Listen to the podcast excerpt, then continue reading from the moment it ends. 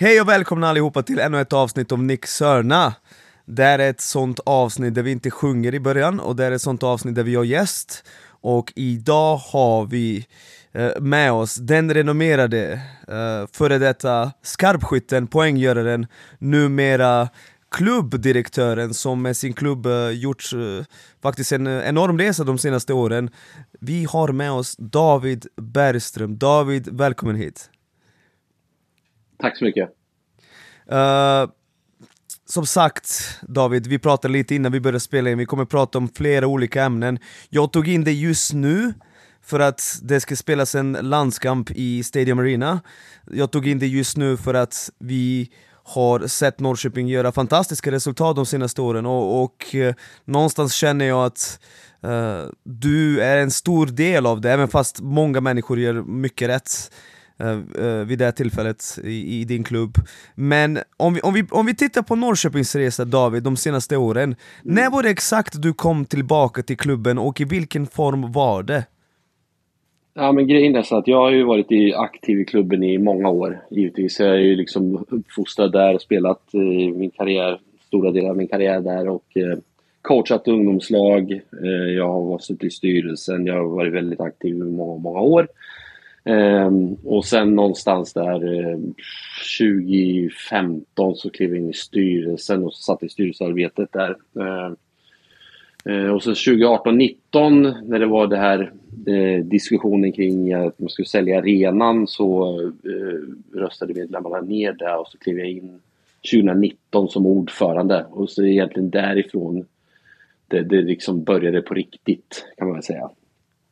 Eh, det är intressant att du nämner 2015, för 2014 går du och jag en coachutbildning, jag vet inte om du minns det här, för att jag minns men, uh, Vi går en coachutbildning och jag, jag, det här minns du inte, det vet jag du inte minns för vi har pratat om det, men jag slog dig i en trepoängstävling Aldrig, uh, inte chans. Du, vi sköt fem treor var jag satte typ tre, du satte två, jag kommer ihåg att jag exploderade av lycka Men det, det, det ja, jag kanske inbillar mig, men jag är nästan 100% säker på att det hände.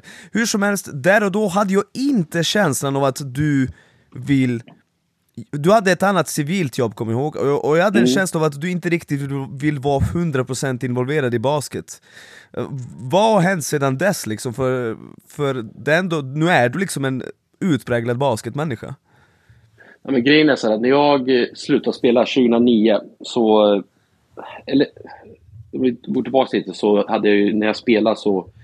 Nej men någonstans eh, så insåg jag när jag skulle eh, börja, slutet på min karriär började komma och eh, jag skrev mitt sista kontrakt med Dolphins så skrev jag in i kontraktet att jag behöver hjälp med en utbildning. Eh, så att jag utbildade mig som eh, marknadsekonom och inom företagsledning som klubben hjälpte mig med. Eh, så någonstans när min karriär tog slut där vid 2009 så klev jag in som säljare i Dolphins.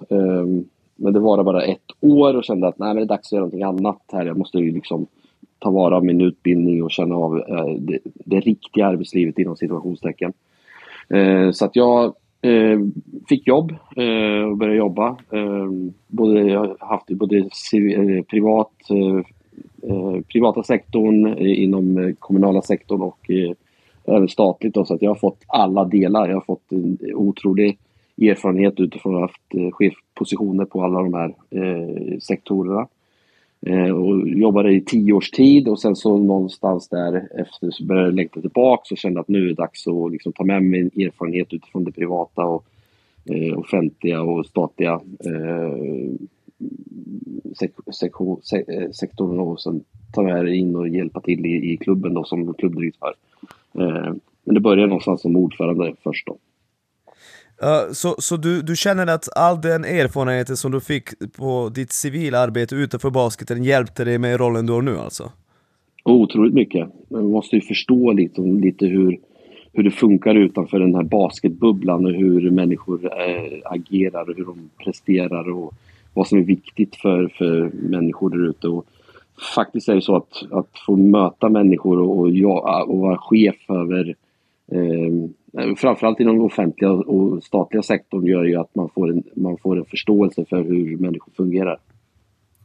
Uh, det, det, är ofta så att när vi pratar om uh Norrköpings renässans. Det är alltid 2019 man kommer tillbaka till. Och för oss i Basket-Sverige så är det så att vi tittar på det så här. Ja, men Kris, minusresultat, vad händer med ja. klubben? Ni röstar om hallen och ni säljer mm. inte den och det visar sig vara genidrag. Men så enkelt är det givetvis inte. Utan det är säkert mycket mer komplex fråga och arbetet som ni har lagt ner måste ha varit uh, mycket större än vad vi någonsin kan tänka oss. Men om du blickar tillbaka på den här fyraårsresan där ni faktiskt vinner guld med både damer och herrar och där ni spelar ute i Europa med herrar, där ni fostrar fram en förbundskapten, två till och med, både på dam och herrsidan. Det är ju historiska resultat. Vad är det som gör att ni kunde gå från att var i superkris till att vara Sveriges mäktigaste basketklubb idag? Ja, såklart är det ingen quick fix och eh, det, det, är liksom... Jag vet inte hur man ska förklara men det är otroligt hårt arbete som krävs och, och att, att liksom träffa rätt och så är ju en sak men att man behöver göra sin research och eh, göra arbetet såklart. Och det, det är många som säger ja men vi gör det också, vi har haft ni har tur eller vad det nu kan vara. Men det, någonstans så, så, är det så att ja, vi, vi stod i en situation där det var kris. Styrels, den sittande styrelsen beslutade att man skulle titta på att eh, eh, sälja arenan eh, för att lösa den krisen. Eh, vi andra såg ett, på ett annat sätt att vi, man behöver kanske jobba ännu hårdare för att komma ur den och sen så skruva åt kranarna. Kanske, det, det kanske, vi kanske blödde pengar för mycket. Och det kanske var så. Jag, jag gick in i av den anledningen att ja, men det kanske är så att vi eh, behöver sälja arenan. Så kan det vara, men då är det klubben som bestämmer det. Då är det, då är det medlemmarna, då är det inte någon som eh, sitter i styrelsen och säger att Nej, men det här ska göras och sen ska, så är det så. Eh, för man hade liksom ingen insyn. Eh, eh och sen så började den resan och jag var väldigt snabb med att eh, vi hade, vi hade det, det, var mycket som var krystat internt. Eh, det var mycket som inte funkade och, och vi, vi hade liksom två lag som... Ja, men det, vi, vi vann SM-guld 2018. Det är liksom året, året innan. Vi, skulle, vi spelade i Europa, vi var ute i Champions League-kval. Och Estudiantes. Estudiantes. Exakt. Exakt. Ja. Och, och, och där var det så att nej, det, det går inte. Så jag vet ju att eh, vi, vi liksom vann SM-guld och vi hade liksom 900 pers i snitt på läktaren och jag bara så här, men vi vinner och ändå är det ingen som kommer att titta på oss. Vi är orelevanta. Vi, liksom, vi finns inte. Något gör vi fel. Så vad, vad är det som händer? Så att det, där, där någonstans kände jag att nej, men vi måste vara mer en öppen klubb. Vi måste vara ute på skolor, vi måste skapa förebilder så att kidsen känner igen att de här, alltså Adam Ramstedt, Tim Schüber, Felix Davis, det, det, är liksom så här, det, det, ska vara häftigt. De drar med sig föräldrar. Eh, vi vi, vi liksom tog in en DJ som skötte ju, eh, musiken i arenan. Det ska vara en, varje gång du går till Stadium Arena ska det vara liksom show, det ska vara, det, det, ska vara bra käk, det ska vara en bra atmosfär. Även fast vi, om vi skulle förlora så skulle folk gå, gå därifrån och känna bara ja, men en novemberkväll där det liksom är dystert och regnar och allting. Så bara så, det spelar, fan vilken jävla energi det var i Stadium Arena. Den hypen måste vi skapa. Och då började jag titta, så här, men vilka coacher ska vi ha då? Ja, jag behöver ha någon som eh, brinner för Norrköping och jag behöver ha någon som, som, som kan prata bra i media och liksom inte bara prata om att vi har skador eller att vi har dålig ekonomi utan det, det måste vara så här, det, det, vet alla. Alla klubbar har problem med ekonomin. Till och med Real Madrid har det. Ja men det är sant. Ja. Och då vill säga, prata inte om det. Det är ingen som vill höra det. Utan jag vill höra, jag vill liksom skapa energi. Liksom. Ah, fan, de här killarna, de här tjejerna vill vi hänga med. Den här klubben vill vi sponsra. Eh, och Mikko är liksom en, en ambassadör för Norrköping. Han är e-, egenfostrad. Och sen hade jag också eh, coachat med honom i, ideellt i fyra år i division 1 innan. Så jag visste någonstans att den tiden som han lägger ner ideellt och har ett heltidsjobb som eh, försäkringsrådgivare så visste jag att han kommer ju lägga sin, hela sin själ i det här. Plus att han är en duktig verbal och kan ta media på ett bra sätt. Eh, och sen så hittade jag eh, Kevin via Johan Lind som hade koll på, på den sidan med, med duktig ungdoms eller damcoach och sådär. För den hade jag inte lika bra koll på. Eh, och så, så på det sättet så fick jag in två arbetsmyror som, ja, som hjälpte till med det här. Sen kan jag aldrig drömma om att det gick så fort när det gäller det idrottsliga, det sportsliga, att vi, att vi vann så tidigt. Det, det, liksom, det fick ta den tiden det skulle ta, men vi skulle i alla fall ha mycket folk på läktaren och, och en, en attraktiv produkt. Gå back to, back to the roots. Spelen är snabbare, även fast det är mer kontrollerat såklart. Men våra rötter ligger i att från, från liksom 80-talet när Franahan och Kenny Grant running gun, eh, mycket treor, eh, mycket, mycket underhållning så att säga, men under städade former. Uh, så är det, Mikko visar sig vara, ja, han är ju förbundskapten nu liksom, för, en av förbundstränare. Jag tror att han har en karriär uh, som kommer vara lång, han kommer coacha utomlands, det är min gissning och alla ja, där. Men jag, jag, måste också fråga dig en sak David. Du måste, du säger men folk säger att ni har haft lite tur. Du måste ändå mm. erkänna att ni har haft lite Nej. tur på vägen. Och låt mig förklara, mm. låt mig förklara. Ja, gör det. Adam Ramstedt, han är ju väldigt skadedrabbad. Sen förstår jag ja. att han kommer till er och han får den hjälpen han behöver. Men han är ju väldigt ja. skadedrabbad, och sen kommer han till er, får hjälp och då är han faktiskt hel och lirar. Uh, Marcus Stiles, ni dumpar uh, Burke förra året, innan honom dumpade ni uh, Kobe för att han var ju skadad. Och så från ja. ingenstans finns Marcus Stiles helt ledig, inte jättedyr, han vill bara komma till Sverige.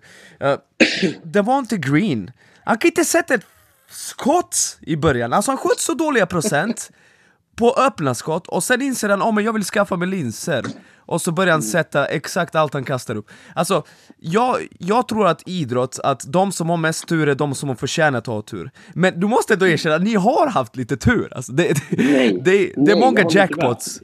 Ja, men hur, hur, alltså, du har ju ett klassiskt citat ifrån Ingemar Stenmark. Ja, desto mer jag tränar, desto mer tur har jag. Exakt. Det, det, det, är liksom så här, fine, vi hamnar i situationen. Så här är det. När vi vill vara på den platsen vi är, så vill vi ha, så har vi ett ansvar. Vi har ett ansvar mot våra sponsorer, vi har ett ansvar mot våra fans, vår personal och, och så vidare. Och någonstans när vi inte har en... Om vi känner att det inte funkar och det är liksom inte en bra match så känner vi att vi behöver agera. Det behöver inte betyda att någon är dålig eller att vi har liksom vi måste sparka någon och så, utan funkar det inte så känner vi att ja, men, vi behöver göra någonting. Eh, för vi har det ansvaret. Och, och om vi tittar på Zach Thomas från förra året så han är ett jättebra exempel. Vi signade Zach eh, väldigt tidigt för vi kände att han skulle vara en ersättare som eh, Jackson Road året innan.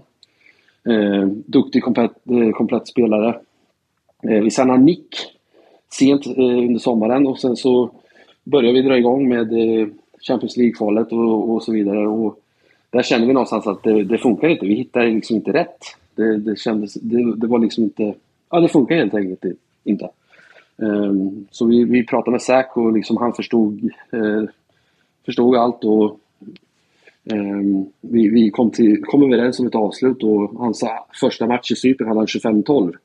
Um, ehm, men vi kände liksom att vårt lag, det, det harmoniserar inte och vi behöver komma vidare. Och, eh, titta på Eh, Mick Ewan så var det så att han drog baksida lår eh, två gånger, inte bara en gång utan två gånger. Och han är en väldigt explosiv spelare vilket gör att eh, ung kille drar baksida lår två gånger på ett år känner vi så här, ah, både för hans och vår skull så vi, vi liksom, det är bättre att du eh, får tid att rehabba, eh, hitta en klubb kanske lite senare. Eh, Medan vi har ju, hade behov av att få tillbaka spelare väldigt snabbt eftersom att ja, men det, det harmoniserade inte i början av säsongen.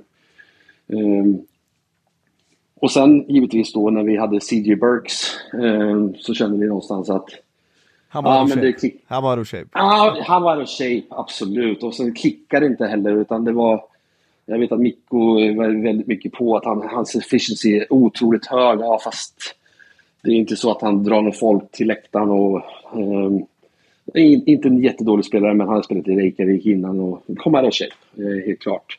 Hans sista match hemma, jag kommer inte exakt ihåg vilket lag det var, det var hans sista dag för under tryout-perioden och då, då pratade vi med honom också liksom, eh, ja det funkar inte. Eh, och det är klart att under den här perioden så, så dök ju då framförallt Marcus Tyus upp där han inte trivdes på Cypern och liksom så här, wow, när hans namn dök upp och eh, då kände vi liksom så här, ja det här är en, ett bra tillfälle att liksom eh, fånga upp honom. Bra spelare. Eh, alltså riktigt duktig. Bra person, bra familj och allt vad det nu innebär. Kommer att passa in jättebra. Eh, så den, den, är väl lite så här, ja men där och då, genom att vi ändå liksom har tentaklerna ute, vi pratar med agenter, agenter skickar till oss givetvis. Ehm, och, och, vet att vi liksom tittar på spelare hela tiden ifall att vi får skador eller om det är så att det inte är någon perfect eh, match och så. Eh, men sen när det kommer till Devante Green så är det så att han... Han hade ju flera klubbar koll på. Du kan ju ringa till dem i norr och fråga vad liksom... De, de vill ju också rekrytera honom, eh, men kanske valde andra vägar. Så han var ju ledig. Eh, så när han kom hit då så kände vi att han, vi ville ha liksom någon som kunde ersätta Mark, eh, McEwen, liksom lite spänstig, lite mer explosiv och så. Eh, men så i början så sköt han ju väldigt dåligt, precis som du säger. Och faktiskt är det så, det är ingen klyscha utan Jo, som var assisterande, har ju glasögon. Han gick fram till det här stämmer inte. Så han prövade de här glasögonen och det helt plötsligt bara wow, okej. Okay. Så han skaffade linser och det är ju faktiskt så att linsföretaget använder honom i hans marknadsföring. Och sen efter det så, ja visst. Det, det, det är lite den här mentala spärren kanske släppte och han började hinka från ingenstans. Det var helt otroligt. Ja, det, eh, men, men ja. Vi, vi, kan vi kan konkludera att ibland måste man ha lite tur.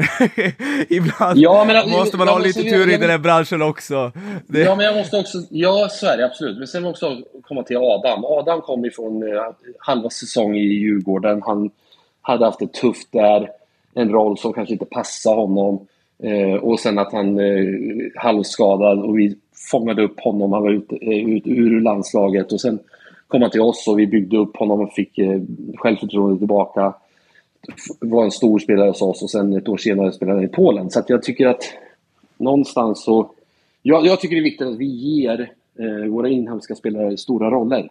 Och sen att vi eh, kryddar till det med bra amerikaner och vi, vi har träffat bra, absolut. Eh, men att många vet, alla vet om att när de kommer till oss får de offra lite och det är amerikaner. Jag menar, titta på Isaac One spelade 15 minuter igår, som är vår bästa scorer. Så att ja. de, de, de fattar grejen.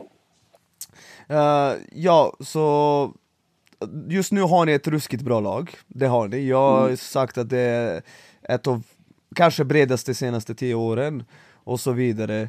Uh, Marcus Dias blev ingen allvarlig mm. skada som tur är. Uh, jag tyckte det såg för jävligt ut, men det visade ja, sig att det inte är korsband, knock on wood. Uh, vad, vad, det är det sista jag kommer fråga dig när det gäller Norrköping. Vad är mm. målsättningen? Liksom med det? För nu blir det svårt att gå vidare. Ni fick ju en otroligt tuff grupp tycker jag. Eh, jag hade ingen aning att Porto satsar sådär hårt som de gör. Nej, uh, nej, det är riktigt bra folk de har i laget. Riktigt bra folk. Ja. jag, jag tycker de är bättre än Benfica. Uh, och sen, och sen det, det turkiska laget, det behöver vi inte ens prata om. Alltså de, Visst är John Robertson med i det laget också? Ja. Ja, alltså de har ju, bara deras garduppsättning tjänar mer än i hela ert eh, lag. Jag tror verkligen Ja, alltså, ja, alltså grejen är, alltså, vi pratade med deras, eh, deras assistercoach som söker ju en, en, spelare till en jänk och de hade ju, agenten frågat liksom, men vad är för, vilken budget har ni? Uh, it's unlimited, get us a player. Så de har ju mycket pengar som helst. Jag vet inte ja, varför ja. de får pengarna, men det är helt sjukt. Ja, de fick han, Fats Russell, han är ju bara... Ja. Han, är han är otrolig bucket getter. Ja. Sen är han kanske lite för lite för Euroleague, för att vara en liksom renodlad scorer. Du vet att Porto slog Manisa? Jag vet, jag såg det, men typ 15 eller vad det var. Helt sjukt. Ja. ja. Nej, det, det, är en tuff grupp, absolut. Tuff, ja. Ni, ni hade kunnat ha lite mer tur där. Men uh, uh, vi släpper det. Landslaget mm. spelar, uh, damerna spelar landskamp i... Glöm inte att uppdatera din skärm så du inte försvinner David. Nej, jag, jag gör det hela tiden nu. Ja, kanon, kanon. De, ni ska alltså ha damerna på hemmaplan och ja. många landskamper har spelats. Det känns nästan som att det har bara varit antingen Hovet Globen eller Norrköping. Mm. Visst, det var någon landskamp där i Malmö och så vidare, men vad, varför varför är det just Norrköping som får vara hemmaplan för, för så många matcher? Och kan du prata lite om arbetet som måste göras? För no, nog är det inte så enkelt som att, ja men kom då, vi har en upp, ledig halvtid, ni kan spela matchen här då liksom. Hur, hur funkar hela arbetet? Lite kortfattat. Nej, men, ja, precis. Nej, men grejen är så att vi har ju haft ett samarbete med, med SPBF i många år. Eh, långt innan jag kom in i bilden. Och, eh, vi har personal som, som har jobbat där i 13 år som har liksom arbetar med landskamper inför och sådär. Så att de, förbundet och vi, vi, det, är en, det är en bra match. Vi, vi funkar bra. Eh, de är trygga med att vi eh, klarar av att hålla en landskamp. Eh, jag vet att man har ju liksom tittat på andra alternativ och eh, varit precis som du säger nere i Malmö och ehm, eh, även i Stockholmhovet och, och Avicii. Eh, men vi har haft eh, landskamper tidigare och det har funkat bra. De är trygga med oss. Eh, så där någonstans har vi den personalen, vi har ju den personalen kvar som, som liksom håller i trådarna och eh, eh vi har en marknadschef som heter Stefan Nilsson som har jobbat i 14 år tror jag i Dolphins. Så att eh, han har, haft, han har gjort många landskamper. Eh, så att eh, det är klart att det är mycket jobb. Det är otroligt mycket jobb och eh, kan inte förbunds eh, SPVF vara på plats utan det, det, det, är ganska mycket som måste göras runt omkring liksom, för att få, få liksom, eventet att hålla. Du måste ha, du, till exempel måste ha en ambulans på plats. Det är klart att du kan fixa det på något sätt. Men har du liksom kontakterna i, på, i, lokalt så är det ju enklare och går fortare. Uh, och uh, jag vill fråga dig det här David, hur går det mm. med biljettförsäljningen? F får du avslöja? Eh, det, det, jag, har inte ex, jag har inte jättebra koll på det, för det är SPBF som håller i biljettförsäljningen. Vi har, inget, eh, vi har inte kontroll på den, utan är förbundet. Eh, jag har hört att det har varit eh, det har inte varit rusning eh, på biljettförsäljningen. Eh, mm. Av vilken anledning vet jag inte. Så att, vi får se. Den här veckan som kommer nu så kommer det bli eh, verkligen liksom få se om det blir sprätt, eh, att det sätter snurr på det så att säga. Precis, för att jag vet att det kan, det kan vända snabbt. Jag hoppas att i alla fall det kommer vara en del... Ja, alltså det, det som förvånar mig är ju att man har ju satt, eh, lagt ett USM-omgång då samma helg. Eh, Va? Fli, flickor 17-19 kör ju och det är oturligt med tanke på att eh, både de borde vara där och titta. Eh, framtida landslagsspelare tillsammans med deras föräldrar som är förmodligen någon annanstans då. Eh, jag ska inte blamea någon utan förbundet har ju lagt den här eh, US-omgången mycket tidigare än när landskampen kom. Men ja, det är problematiskt. Ja, alltså jag tänker så är det i alla fall. Ni drar ju över 2000 på herrmatcherna. Ja. Då tycker jag att 2000 bör ju ändå vara något, eh, en rimlig siffra tycker jag. jag vet inte. Ja, ja jag, jag tycker det ska vara 3000. Jag tycker, ja. Det ska vara fullproppat. Det, det är liksom svenska landslaget för damer Ex som kommer och spelar. Och det, de förtjänar all den eh, kärleken. Så att, eh, vi, vi, får se vart vi landar någonstans. Men det är ju någonstans, det är förbundet som håller i själva biljettförsäljningen. Och, ja, vi håller tummarna för att alla kommer yes. och tittar. Yes. Hur, hur, hur tror du det kommer gå i kvalet? Alltså, vill du, vill du ge... Jag, har go- jag tycker vi har goda chanser, tycker mm. jag. Eh, jag, jag har inte, jag har inte pratat eh, tillräckligt mycket med Kevin om liksom varför inte till exempel Megan inte är med eller var, varför man tackar nej och så. Det, eh, jag tycker det är lite synd eh, och även det som Amanda Saui har upplevt eh, är också oerhört tragiskt. Eh. Men, men om man tittar på kvalet så tycker jag att vi har jättebra chanser. Vi, har liksom, vi, är, vi är bättre än Danmark. Vi, är, vi kan slå England. Eh, så att, eh, jag, det ser bra ut. Ja, Storbritannien, alltså hade de haft full trupp, ja. då hade vi inte kunnat, då hade inte Sverige kunnat, inte denna version av Sverige, men nu saknar de flera av de här stora spelarna som, som är så bra i Storbritannien. Yes. Så jag är också optimistisk och som sagt, ni som lyssnar, har ni möjlighet, ta er till eh, Stadium Arena, jätteviktigt. Jag tycker det är viktigt att det är där nästan man kan säga att svensk basket på seniornivå har tagit störst steg framåt de senaste fem åren. Nu spelas matcherna i stora arenor och det är oftast mycket folk liksom och vi vill bygga vidare på det så det skulle vara jättekul. Uh, David, vi börjar nu prata lite om, om din karriär, för du, du är väldigt specifik spelare. När jag kom till Sverige, jag kommer aldrig glömma, 2007-2008 var säsongen, så spelade ni i Boråshallen mot Borås och det var någon som hade sagt till mig ja men ser du han där, han korte, uh, han, han var svinbra förut, jag bara, jag kommer aldrig glömma att jag tänkte bara va? Det var det inte alls! Alltså du var verkligen washed, förlåt mig men du var inte bra. Uh, men, men, uh, men du, du, jag har förstått att du har varit en uh, klassisk uh, basketligaspelare som har nått otroligt långt, vunnit guld, spelat utomlands och så vidare. Men vi backar tillbaka, vilket år är du född? Är du 73? Ja?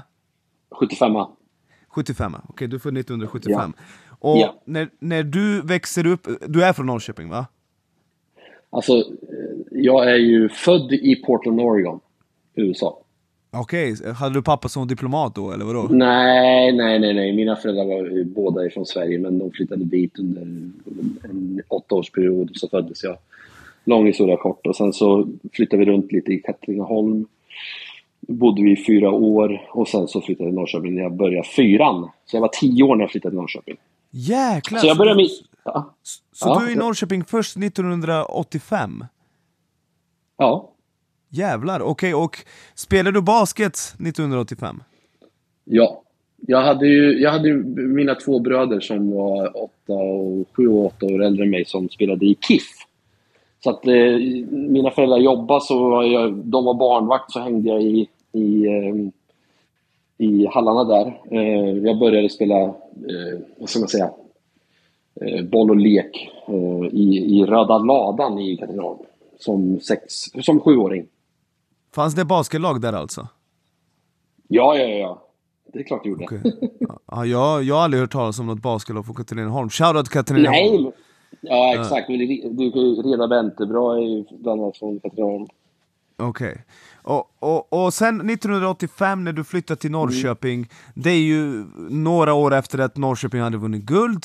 Känner, ja. är, det, är det där och då du känner mm, jag vill satsa på det här, eller är det fortfarande bara lek för dig när du är tio år gammal och kommer till Norrköping? Ja, men, nej, men grejen är så att när jag i mellanstadiet var det väl fortfarande så att jag prövade olika idrotter, både fotboll och basket. Och sen jag kom upp i, i eh, högstadiet så var det också fotboll och basket. Och jag spelade faktiskt fotboll fram till jag var 16-17 år. Man hade ju faktiskt den förmånen att kunna spela på den. Alltså kombinera två idrotter så länge. Det kan man ju inte göra nu för tiden för att det sätts för hög press och stress eh, för tidigt. Eh, jag spelade faktiskt i, i pojkallsvenskan i fotboll. Så vi mötte liksom Malmö FF och stora lagen som 16-åring. Och mina tränare sa då liksom, ja men om du så hade satsat på fotbollen så hade det blivit lika bra som i basket. Jag bara okej, okay. landslagsspelare och proffs, då hade jag varit, hade jag haft en förmögenhet. Det ja. vet man ju aldrig om. Ah, skitsamma. Men jag fastnade för inomhussport, det var så jävla kallt ute och fotbollen var liksom personligt. Så att fastnade för basket ganska tidigt.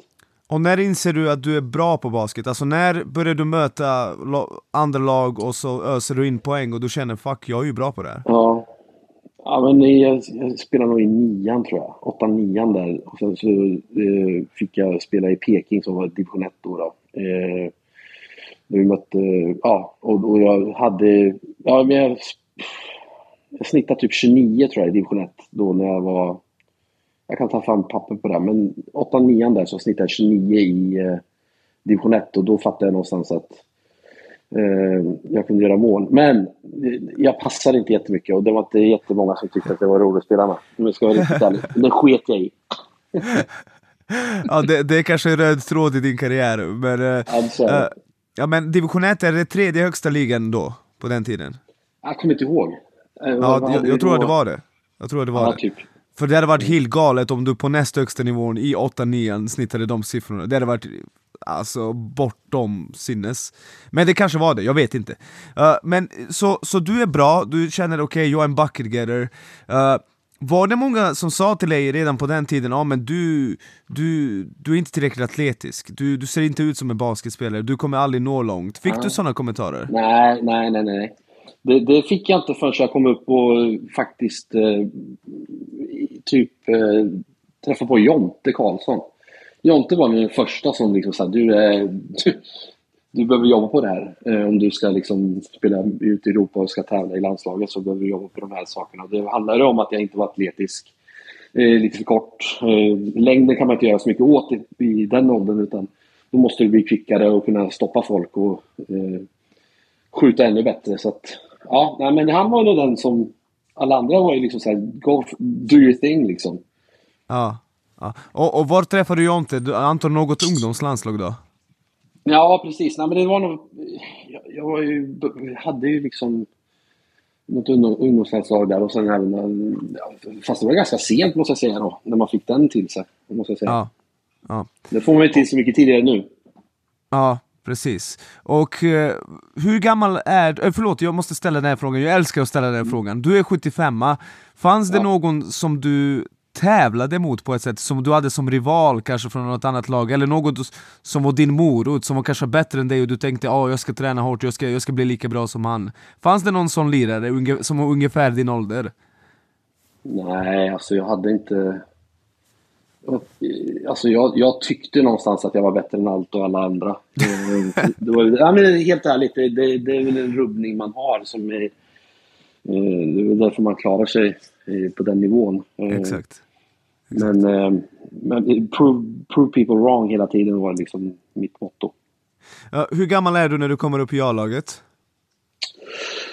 Oj, helsike. Jag var ju uppe där i 18-19 va? Jag ska säga 75 jag 1993 typ? Ja, grejen var så att jag var ju i USA i två år. Jag åkte till high school, hoppade av första året på gymnasiet. Um, skitskolan åkte till high school. Eh, och var med i eh, de, ja, det heter McDonalds All American, eller vad det nu var, topp 100. Där jag eh, spelade Indianapolis med eh, ja, Jerry Stackhouse, Rasheed Wallace, eh, Stephen Marbury och de där grabbarna. Eh, för att Marbury var tvåårig. Eh, så så eh, var jag all, all, all Long Island. Eh, Eh, var det ju otroligt bra för en svensk framförallt, det där visste du inte. Ja, nej exakt. Eh, och det är samma skola som Danny Green gick på, eh, St. Mary's då. Så att... Men vänta, vänta David, så, så du, du flyttade över till USA för att gå high school ja. och du kan hävda dig även på andra sidan, hur kändes det? Ja, men det var otroligt häftigt. Jag, jag snittade faktiskt 26, 6, 6. Det, var faktiskt, det, det, är inte så att jag kommer ihåg det, jag gick in och kollade faktiskt inför det här, eh, det här intervjun då. Så att, Nej, jag, jag, ja, det gick bra. Jag hade jättebra år. Och sen så tyvärr så hade jag hade ju flera division 1-skolor som eh, tittade på mig, men jag var för dålig i skolan helt enkelt. Eh, så att jag fick, klarade S.E.T.s. Jag tog den fem gånger och så sista gången klarade jag det. Och då hade de här division 1-skolorna droppat av. Hamnade i division 2-skolor som heter eh, eh, New York Tech. ändå en bra nivå, men ja. Jag flyttade hem efter ett år trivs inte jättebra. Men jag Var... kunde hävda mig i alla fall på ett hyfsat ja. Minns du vilka Division 1-skolor som ville rekrytera dig? Ja men Hofstra var ett okay. av dem. Lite yes. mindre division 1. Eh, vad fan är det mer? Hofstra och sen var det något mer New York. Eh, inte jättestor men det var Ja men Hofstra är ändå en, man känner ju igen det liksom. Det är en, ja exakt. Ja. Okej, okay, så du kommer tillbaka 1994 då? Eller 93? 94 ja, måste det vara, om du, om du ja. var ett år på college. Ja, exakt, exakt. Ja, 94. Och är det så att du direkt får, får speltid? Eller ja, nu ska, nu, ska jag, nu ska jag berätta en sak som är tur. Nu har en röd tråd där. Jag kom hem 19-20 år. Eh, min brorsa Rick Bergström spelade i Dolphins då, eller Hageby. Nej, det var Dolphins, förlåt. För 92 gick man över till Dolphins. Ja. Eh, så det var Rick, min bror, och så var det Kelly Grant. Och så hade man en kille som hette Daniel Uno ifrån, eh, som var från Örebro, som var ett år äldre än mig och som också var i laget. Eh, Kelly var i sina sista år och liksom så här, ja men han kanske inte kommer kunna spela så mycket mer. Eh, Daniel Uno hade man ju sett som ett framtidsprojekt. Så då hade man ju, gick man till min bror och frågade liksom så här, är du redo att ta över damlaget som coach? Och, och så att vi kan liksom ge plats åt David, typ så. Så han gjorde det. Så jag fick en plats i laget eh, som 19-åring och eh, första matchen, vi mötte Plannja borta, kommer jag ihåg, torskade med 40, 30 eh, eller 40. Kelly, Kellys höfter lägger av i första halvlek. Eh, och kunde inte spela. Hans karriär var över eh, och jag var ju bättre än eh, Daniel då som... Eh, så att jag fick ju lira 30 minuter per match från den dagen. På den tiden var det innan Bosman-domen, så vi hade redan två amerikaner. Joe Hurst och eh, eh, Cronin. Um, så att det, det, gick inte att ta in en EU-spelare. Så att det var bara att lira. Och, och minns du ungefär vad du snittade det året? Nej, det gör jag inte. det gör jag inte. Men, Men om jag- du skulle gissa, är det, är det 10 poäng per match? 12? Ja, 15? det är det absolut. Nej, men 12 kanske. 12, 12. Ja, 12 kanske. 12 Okej. kanske. Ja. Ja. Och under hela den här tiden, liksom, nu är det så att basketliga på den tiden, du tjänade säkert inte de stora pengarna. Mm. Är, det liksom din ambition, hur lång är du förresten? Jag är en 84. 1,84. Är din ambition där och då, okej jag ska komma ut, jag ska tjäna massa pengar, jag ska bli utlandsproffs, jag ska spela för landslaget? Eller var det mer, ja, jag gör det här och så jobbar vi sidan om? Nej, nej, nej, nej. Det var ju absolut 100% att bli proffs. Okej. Eh, Jag hade alltid mål om NBA och det insåg man ganska fort att det, det kommer inte hända. Men absolut, ut i Europa, proffs, absolut. Ja, och beskriv din spelstil för oss, alltså jag, jag har inte sett dig mycket, som sagt jag såg det lite när du var done, det var över liksom Men eh, Ja. vad, vad är det som gjorde dig till en giftig poänggörare? Nej, men jag hade väl en eh, scoring-mentalitet från ung, från ung, unga, unga år. Eh, så att jag, jag gjorde mycket mål. Jag, hade, jag var ganska fysisk i, eh, som ung. Jag var, alltså jag var ju 1,83, eh, växte klart, eh, var lite liksom, tyngre sådär. Så att jag, jag musslade ju folk eh, i ungdomsåren. Eh, gjorde mycket poäng. Eh, Ingen annan i mitt lag kunde göra poäng alltså i, i ungdomsåren. Eh, så att jag gjorde alla poäng. Eh, och det fortsatte liksom den mentaliteten in i, i, i liksom ligan med. Eh, och sen så jobbade jag otroligt hårt. Det var någonstans där mellan min high school... Sommaren... När jag bestämde mig för att liksom, gå till New York Tech så, så sa den coachen till mig att du kommer att skjuta mellan 20 och 25 skott per match. Så du måste orka kunna skjuta så mycket. Så att i sommar måste du skjuta varje dag. Så han gav mig ett schema att jag skulle skjuta eh, 1000 skott per dag hela sommaren. Jäklar. Ja, men det, det, jag fixade inte det. Jag, jag kanske löste det fyra dagar i veckan. Men till slut så var ju målet som ett fotbollsmål. Alltså det var ju... Eh, jag, jag sköt ju liksom 2-3 meter utanför trean och sen det var bara skjuta, skjuta, skjuta. Ja. Uh, Och uh, då är det alltså så att du kommer tillbaka till Sverige, du etablerar dig som poänggörare. Uh, vi kommer prata om guldet 98 för det är verkligen viktigt för många i Norrköping, just den titeln. Men innan vi går dit vill jag fråga dig, vad snittar du som mest i ligan? Jag var inte någon defense-fenomen. Och jag hade förmodligen inte klarat av att spela i ligan i år, eller nu. Absolut inte. Det, det är för höga krav. På den tiden kunde man gömma spelare i defense på ett annat sätt. Spela mer zon. Det, det går inte, det går inte liksom i SPL i år, eh, nu för tiden för att alla kan Ja. skjuta i bollen och du, Du- expo, du- du- exponerar. David, jag tror att jag försvann hos dig en stund. Jag, jag ställde en fråga eh, som du kanske inte Mm. hörde här för att något hände här. Men det, vi kommer prata om guldet 98 för det var viktigt för många Ja. för i, i Norrköping. Men jag vill, innan vi går dit vill jag fråga dig, vad snittade du som mest i ligan? Vet du hur många poäng det var? Ja, över 20. Jag har inte riktigt koll. 22 kanske? 22 poäng per match, okej. Nej, jag vet, jag vet inte. Det där, det där får du göra lite research. Jag har inte riktigt koll på det. Okej, Okej, och vet du vilket år vi, det är vi pratar om? Herregud. Det måste vara 98. 98, okej. Så 98. nu spolar vi fram några år för att 98, Ja. då, då vinner ni SM-guld och då vinner ni mot Ja. ett ruskigt bra lag dessutom. Ja, Vilket innebär att ni var ännu ruskigare. Hur kommer det sig att ni fick ihop ett så bra lag eh, just 98? Nej, men det är helt, helt otroligt. Vi, jag kom hemifrån eh, eh, Frankrike. Eh, jag har spelat ett år i Evreux, i högsta ligan i Pro A. Eh, och Kelly hade coachat i Uppsala, kommer jag ihåg. Eh, så han kom tillbaks eh, till Norrköping. Eh, tog med sig JD Sanders, som då spelade i Uppsala. Jag kom hem... Har JD så Sanders ha- spelat i Norrköping? Ja, vi vann guld ihop. Ja, det visste jag inte att han var där. Okej, intressant. Mm.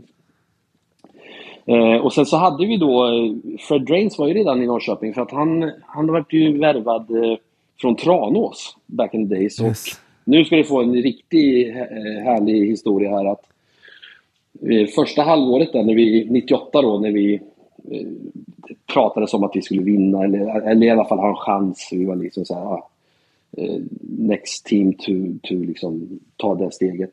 För att det var ju så att Södertälje, 08 Stockholm och Plannja var ju liksom ur, från en annan liga. Liksom. Men vi kände liksom att vi var contenders. Men då, då hade vi lite knackigt framför till jul och, och där vid jul då så, så funderade faktiskt klubben på att ah, men Fred är inte tillräckligt bra. och vi andra bara va? Ni vet inte vad ni pratar om. Ni vet inte vad ni pratar om. Så ah, men vi måste byta honom. Nej, det tror jag inte vi ska göra. Eh, så då gjorde inte vi det. Eh, och så gick vi då till eh, kvartsfinal. Vi, vi, vi, vi höll ju på att missa slutspelet. Vi hade en match ifrån att, att eh, det var A1 och A2 då. Så att vi, sista matchen gjorde att vi skulle gå upp i A1 året efter och gå till slutspel. Förlorade vi hade vi varit kvar i A2 och inte gått till slutspel. Vi möter eh, Evergreens, vad heter de? Är det från Göteborg? Ja, ja vad heter de? Uh, Kvarnby Evergreens. Kvarnby! Pekka Johansson eh, som point guard och eh, Price och de här eh, grabbarna. Eh, ja. vi, vi förlorade första matchen i triple, nej, i, på, på en onsdag. Eh, vi överklagade matchen. Vi fick spela om matchen på fredagen. Vänta, typ vänta, stopp, stopp. Varför, varför ja. spelas matchen om? Nej men det var något som hände. Vi hittade något, det var något fel. Det var någon blåsning eller det var något regelfel som vi överklagade och sen så fick vi spela om matchen. För det var, vi hade två matcher kvar. Det var Kvarnby och så var det borta mot Sundsvall och Sundsvall var jävligt bra hemma. Eh, matchen efter. Eh, så vi spelade om den matchen eh, på torsdagen kanske det var till och med. Torska efter tre förlängningar. Vi fick sätta oss på bussen upp till Sundsvall dag, eh, direkt efter matchen. Alla helt slut. Vi går upp och vinner den med 30. Och sen så går vi till kvartsfinal och... Så vi, vårat, vårat eh, säsong hade kunnat vara över där. Va? Och så går vi hela vägen. Och vi, ja, exakt. Det är helt sjukt. Helt sjukt. Och så vinner vi bästa fem, femte borta mot Södertälje, femte borta mot 08. Och sen så bara tåget går mot eh, Plannja. Ja men det där är ju mindblowing för att många pratar i Norrköping om det där guldet 98, att det är en ja. viktig stund i, i, klubbens historia. Och Mikko Rippinen har bokstavligt talat sagt ja men mamma tog mig till matchen, jag såg laget vinna, det är där jag fastnade för basket. Tänk ja. om ni åker ut och ni inte ens tar er till slut. det är helt sjukt. Hur, hur, hur, hur uh, Dolphins som klubb ser ut idag, hur Mikko Rippinen som liksom, vad gör han idag? Hur Fred Drains karriär ser ut, alltså allt ändras igen eller två matcher, alltså det är så mindblowing, det är jobbigt att tänka på liksom. Uh, uh, Okej, okay, men du sa att du gick till Frankrike året innan det. Uh, mm. du, du var det där... Var ju då, det var ju... Yes. Boss, Bosman-domen tror jag att du är på väg att se, eller hur? Det var då Bosman-domen gick igenom. Eh, han vann det där fallet, så att man kunde spela eh, som över gränserna så att säga inom EU. Eh, och eh, jag kommer så väl ihåg, jag spelade i Dolphins för 3000 brutto eh, och sen så fick jag Eh, i ALM Evra 60 000 euro, eh, euro netto eh, efter två månader. Så det, var, det, det förändrade mitt liv markant. Och det var ju så att vi hade, jag var med och nosade med landslaget framtida sådär. Så Kenny Grant som var min agent, han hade ju Olle Håkansson, han hade ju eh, Per Strymer, Tommy Gerke, Salström och alla de här. Jonas Larsson eh, tror jag också var med där. Eh, så han tog alla dem och, och liksom sålde dem ut i Europa. Så vi åkte ut direkt. Alla, alla vi. Um, så det var, det var en otrolig vändning, så att det får jag tacka Bosman för. Helt klart, annars hade det aldrig varit möjligt. Så jag, om någon, har haft tur i min karriär. Men vänta, vänta, sa du att du tjänade 60 000 euro på ett år där? Ja, netto. Nio månader. Men vänta, hur, hur kändes det att få de pengarna helt plötsligt? Ja, men alltså, det går från 3 000 brutto till 60 000 netto. Det är helt sjukt. Det, är, det går inte att förklara. Alltså, som 21-åring, det är liksom så här, wow. vad är det som händer? Liksom. Jag bodde i, i Evrö, 10 mil väster om Paris. Jag åkte in till Paris varenda helg och det, ja, det var liksom wow. Ja. Och på den tiden var ju franska ligan, eftersom att den var väldigt stängd innan, så innan de här stora stjärnorna flyttade ut till de andra ligorna så var det en otroligt stark liga. Ehm, ja, precis. Det var tufft, det var jättetufft. Ja, och uh, vad snittade du där, minns du det? Levererade Nej, där var jag, Ja, alltså jag, jag satt i frysboxen. Det var ju så man, general managern eh, rekryterade mig dit, men coachen var bästa vän med pointguarden, så jag satt i frysboxen och eh, fick ju kämpa otroligt hårt för att ens få speltid. Men vi förlorade liksom de första sju matcherna, så att general managern gick ju till coachen och sa att du, nästa match startar David. Ehm, och hela den veckan då så var det liksom inga, ingen signal till mig från coachen att jag ska spela, utan han kom i spelargången innan matcher, innan uppkast och sa du förresten David, du ska starta.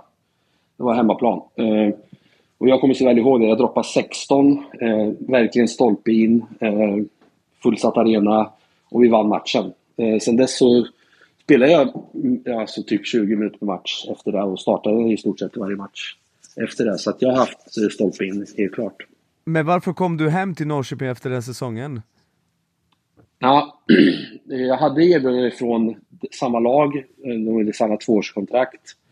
Eh, min agent då Eh, var iväg och jag tror någonstans att han hade mål att jag skulle spela liksom i större ligor nere i Italien och sådär. Så att han, han satte nog lite krav på att, att jag skulle ha mer pengar medan jag var mer nöjd med att jag, jag kan ta 65 och 70 de närmsta två åren eh, här och nu. Innan jag, jag åkte hem över jul och så kom vi tillbaks och så rann det ut i sanden. Eh, och sen var det allt i, i Frankrike då. Sen så åkte jag hem eh, och sen så vann SM-guld och spelade något år till och sen så åkte jag ner till, eh, signade i Belgien.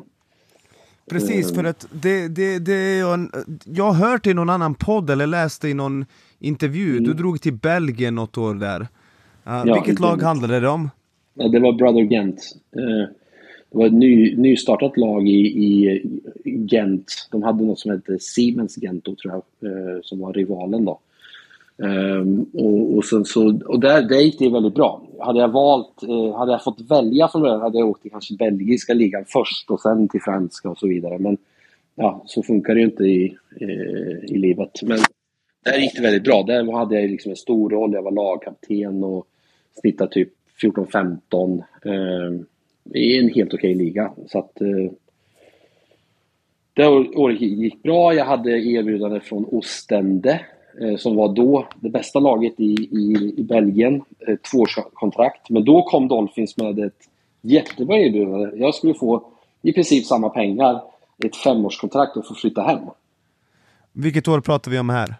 Ah, I 2000. 2000. Okay. Jag var i, mm. jag var i uh, Belgien 99 till 2000. Ja. Så jag bara, fine. Shit, jag kan vara hemma. Jag behöver liksom inte spela i Europa för samma ja. pengar. Uh, så jag skrev femårskontrakt. Tyvärr var det så att såklart de klarade inte av att betala så att de fick ju liksom omförhandla efter ett halvår. Men då var jag redan hemma liksom. Så att, ja, det var lite surt. Uh, jag vet inte vad, men, man, man säger det någonstans. Spelade du ut det där femårskontraktet? Jag spelade ut fyra år. Ja. Eh, och sen så signade jag nytt femårskontrakt. Oh jävlar. Så då hade, ja, så att jag hade ju, och då skrev jag in i det avtalet att jag skulle ha hjälp med utbildning. Yes. Så då när jag slutade 2009 hade jag ju liksom, var jag klar. Uh, David, hur många A-landskamper har du gjort? 60, 66 någonstans där. 60. Och vilka år pratar vi? Är det ungefär den här tiden då? Ja, 97, 8 där till 2003. Ville, du, det... ville du komma med ja. i EM-laget? Var, var det en ambition du hade? Ja, gud ja. Och det, det är lite intressant för att eh, jag och Salström var de två sista spelarna man eh, kattade. Okej. Okay. Och jag, jag kommer ihåg att jag slogs med eh, eh Stålhandske. Nej, Stålhandske och eh, eh, Daniel Dajic. Eh, okay. sista platsen. Och båda två var knäskadade så jag var otroligt frustrerad att jag inte fick en plats. Men ah, ja, jag hade inte räckt till som tvåa mot eh, Bodiroga och grabbarna. Exakt. Du hade fått det tufft. Du hade fått det tufft. ja, ja, ja, ja. Fast Navarro är inte mycket längre än dig, så du hade kanske kunnat uh, låsa ner ja, lite, vet. lite, lite kvickare. yes. Uh, Uh, innan vi går vidare, du, du pratar ju mycket om det där att, du, du, nämnde det innan när jag ställde en fråga och sen försvann du och så hörde inte med men du pratade lite om att försvar inte var din starka sida. Är det så att du försökte spela försvar, spela försvar men du kände att liksom, du är helt enkelt korta armar, du är inte snabb i sidled? Eh, eller så var det så att du bara inte ville spela försvar? Alltså det finns ju folk som inte vill Nej. spela. Jag, Ja, jag, jag säger till min kompis Terrence hela tiden, kompis du ville inte spela försvar och då blir han, arg liksom. Men eh, hur var det för dig? Nej, men alltså, jag, jag tror att det var en kombination av två saker. Det var ju, eller olika saker. Det var ju, dels var det ju att jag, jag inte hade det i mig. Det, det, det var väl kanske någonstans att det inte var viktigt nog att stoppa min kille för att jag hade så duktiga lagkamrater som gjorde det jobbet. Och så fick jag sköta offense. Ja, Lite av den inställningen. Samtidigt som att jag inte hade den, den, eh, den fysiska kapaciteten att kunna liksom slida hårt, pressa upp och sen så hade jag nog inte orkat det offensiva. om- jag tog ett ganska stort offensivt ansvar. Det var inte så att jag inte, att jag inte brydde mig. Jag ville ju vinna till alla, alla alltså till 100 procent. Men eh, jag, var- jag var inte tillräckligt eh, bra på det, helt, helt enkelt. Ja, du spelar i Norrköping i nio år i rad, där två kontrakt och det, någonstans där började du spela med G. Gervin, ni har Kelly Grant som Mm. coach och liksom det är ju Ah, alltså det är ändå något mytologiskt med det gänget, liksom, man har fått höra berättelser om er, ja men ni kunde göra liksom 120 poäng i vissa matcher och, och, och så. Eh, det gänget ni hade där och då, var det kul att spela på det sättet? Eh, ja.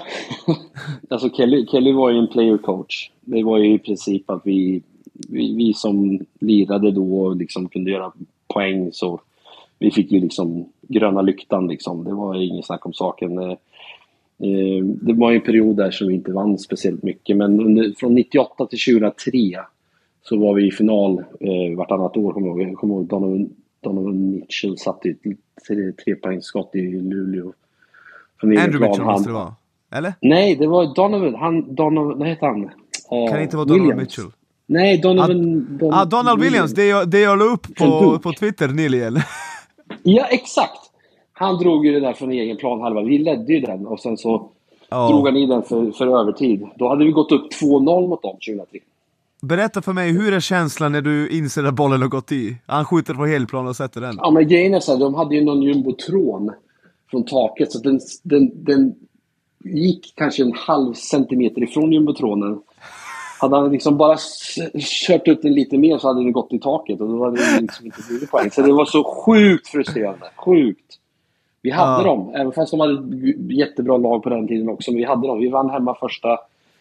Eh, nej, det var, det, det, de hade hemmaplansförlust. Vi hade vunnit första. Vi vann ju andra hemma. Så att, ja, det, var, det var otroligt frustrerande. Berätta om uh, uh, Brent Wright och Fred Drains beefen. För att jag, jag har fått höra att de två verkligen gick på varandra. Två äckligt bra spelare. Hur, hur var det att liksom titta på det? Du vill inte, du vill inte, alltså du kan inte förstå eh, hur Fred Drains är som människa. Alltså, och hur, vilken killer instinkt han har. Och, eh, du, du, är, är det en person som du ska ha på rätt- rätt sida så är det han. För att han är, han är brutal. Han är eh, otrolig människa och otrolig vinnare och otroligt speciell. Eh, men Brent Wright var ju också för jävla bra. Alltså han har ju haft riktig karriär i Europa. försvann igen va? Försvann igen. Precis, precis. Den beefen vill man inte ha med Fred kan jag säga. Ja, okej, men, men jag, jag, innan du försvann så sa jag att Brent Wright är en spelare som har, han har ändå haft bättre karriär, han har ju tjänat massa pengar ute i Europa, det är en riktigt bra spelare. Det struntar Fred i. Ja, precis. Spelar ingen roll. Fred, alltså du vill inte... Den, den killen är speciell alltså. Han är, jag roomade med honom i, i sju års tid. Roomisar och eh, en mer patriot för att leta efter. Vart han än Ja. spelar. Du har, lite berättat, du har berättat lite nu om Fred Drains, hur det var när han kom först och att det pratades om att han kanske skulle kickas. Hur var det när G. Gervin kom? Första träning, första matcherna? Oh my Var det- god! Ja, Vad är Berätta. frågan? Jag säger frågan. Ja men hur var det liksom med G. Gervin, de här första matcherna, träningarna? Kände du direkt, ja men det här är ju något speciellt, han kommer snitta liksom 30 per match eller? Nej. Eller hade du... Nej. Långt därifrån. Han kommer in, jättesmal, en 87 lång, med så här Iceman son. Säger så här, vem, vem har betalat pengar för att han ska komma hit? Alltså han, han såg... Jag tänkte så här, det här måste vara ett skämt. På riktigt. Alltså jag älskar G av allt och alla andra. Men sen bara, ja men killen, även fast han var sådär smal så var han otroligt stark. Eh, och en, alltså sjuk poänggörare. Sjuk. Ja, och det, det, var någon, det var första gången i hela mitt liv där jag eh, satt på bänken borta mot 08 Stockholm, kommer jag ihåg att det var. Han droppade 55. Eh, och jag, jag satt liksom och, och njöt av att titta på en, på en spelare som var så jävla bra i mitt eget lag. Det har aldrig hänt någonsin. Man, man spelar, man är inne in the moment. Då liksom bara, vad är det som händer? Han droppar 55. Och då kommer jag inte ihåg vem det var, den andra amerikanen var. Men han hade sagt att han skulle locka G. Han skulle, han skulle hålla under 10 och själv skulle han droppa 25 eller något sånt. Och sen gjorde han själv 3 och fick 55 på sig liksom. Ja, det var helt sjukt. Och G. Gervin var utanför Sverige i, i något år, eller hur? Vilken liga spelade han i som bäst? Minns du? Åh, ingen aning. Ingen var han i Ungern? Jag kommer inte Ungern kanske. Ja. Ungern, okej okay, ja. Ja, men han är ju faktiskt praktexempel på en spelare som man förstår varför han är bra i Sverige, men det blir svårt om man ska spela på en högre nivå när man, uh, när man är sådär inte... liten. Liksom. Ja. Ja, men han var inte heller något defense-fenomen. Nej. Det går, alltså, Nej. det går inte på riktigt. Du, du kan ha hur bra offensiv du vill i Sverige, men du kommer aldrig att kunna lyckas om du, inte, om du fixar, för, uh, alltså fixar försvaret i Europa. Det går inte. Exakt. Det är Exakt. kört. Uh, och, och, nu är det så att vi börjar närma oss slutet av din karriär, David. Var, när, var och när började du inse att ah, nu, jag kan inte dominera på samma sätt? Nej, det, det såg jag ganska fort. Där, eh, här, någonstans där jag skrev mitt nya femårs... 2005, 6 5 var det nog. Fem måste det ha varit. Fyra, fem. Ja. Det, alltså grejen, luften gick ur mig lite när eh, när Fred valde att gå till Plannja där 2003, efter det, 2004 då, han blev ju svensk där, eh, så Luleå ja. Eh, Plannja rekryterade honom. Och någonstans där kände jag att nu, liksom, nu kommer vi inte att vinna. Mm. Så vi hade några hundår där fram till 2008. När vi byggde arenan och sen började de här storstjärnorna droppa in och då kände jag liksom, ah, hej, nu är jag liksom bara en utfyllnad. Ja, För det var ju verkligen så. Ja. Och, och, sista... ja, förlåt. Men, men var det jobbigt liksom att avsluta karriären? Liksom? Du, du var ju ändå liksom en otrolig profil i Norrköping, landslagsspelare. Uh, var, det, var det jobbigt eller kände du att okej, okay, nu är det dags för nya fasen i mitt liv? Ja, men det var ju lite så. 2003 så vart jag kattad i landslaget. Alltså vi var 12, 14 kvar. Jag och Sahlström var kattade sist. Eh, det, var, det, tog otroligt mycket på mig. Och sen så drog Fred till, till Plannja. Eh, och då kände jag liksom att nej, fan nu kommer det vara tufft att vinna liksom, något guld igen. Eh, och sen fem där. Eh, signade ett kontrakt i lite så här ombyggnadsfas. Då kände jag liksom att jag är inte i den åldern att jag kommer vara med i liksom, framtiden. Och sen 8, 2008 byggde man arenan och sen började de här stjärnorna droppa in. Källbom, Lindqvist, ja. Kenny Jr. Ja, du vet. Maråker. Ja, det, Men gjorde, det, gjorde du någon säsong i Stadium Arena? Ja, min, äh, det, det, första säsongen. 8-9. Okej, okay. okay, så du spelade ändå Stadium Arena? Okej, okay, okej. Ja. Uh, okay. Vi förlorade öppningsmatchen. Första matchen. Fullsatt arena torskade vi mot Solna. Kommer jag så Oj, den är tuff. Det är den är tuff. Den är. Uh, Okej, okay, uh, så är det David. Du har ju lite annat att göra idag, så vi, jag kommer inte prata med dig lika länge som med de andra. Men jag vill ändå... Så är det, jag vet att Henrik Karlsson berättade för mig en gång mm. att att du hade, han hade hört att du hade sagt att du tycker det är jobbigt att spela mot honom och han, han tog det verkligen som en otrolig komplimang. Stämmer det där verkligen? Det tror jag inte. Du, det...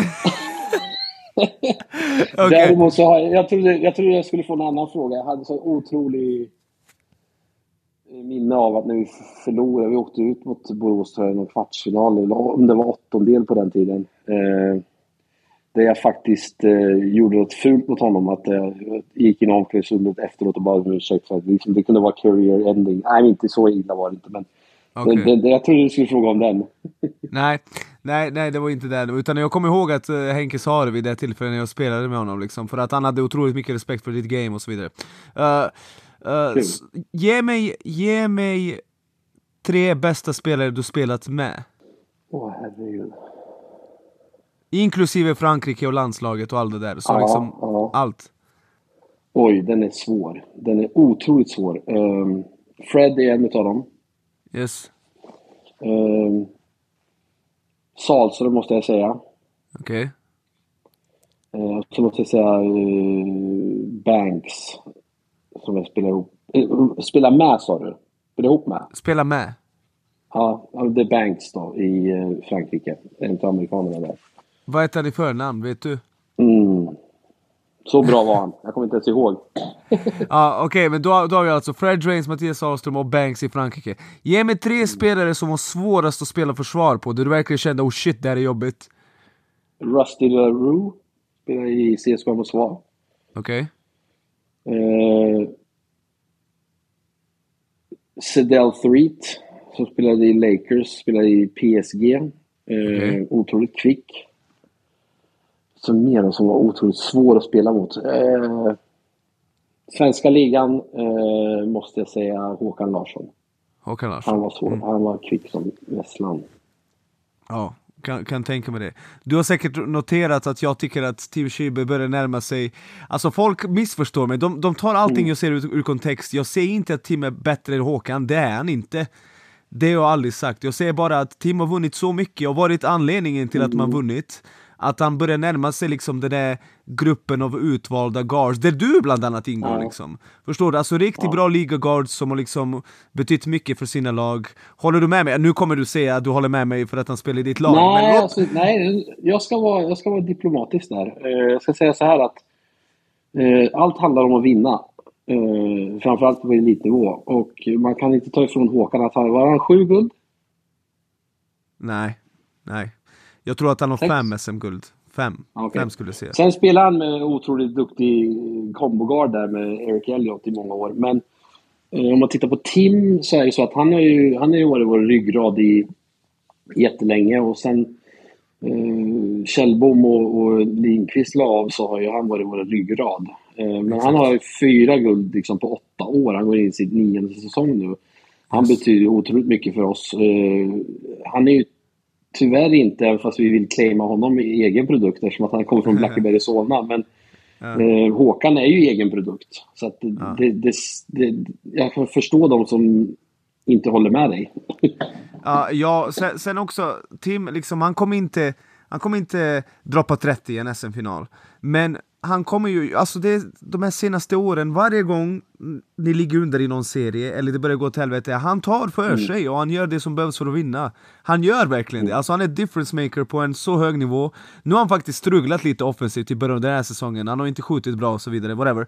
Men alltså, han gör så, samma sak 2018, den där game 7, alla minns liksom att Jonell Smith satte en corner trea, alla bara what the fuck är det som händer? Jonell satte en trea. Och alla minns att Micke Lindqvist satte många tuffa skott, men Tim var skitbra i den matchen! Alltså jag kommer ihåg det, han var skitbra!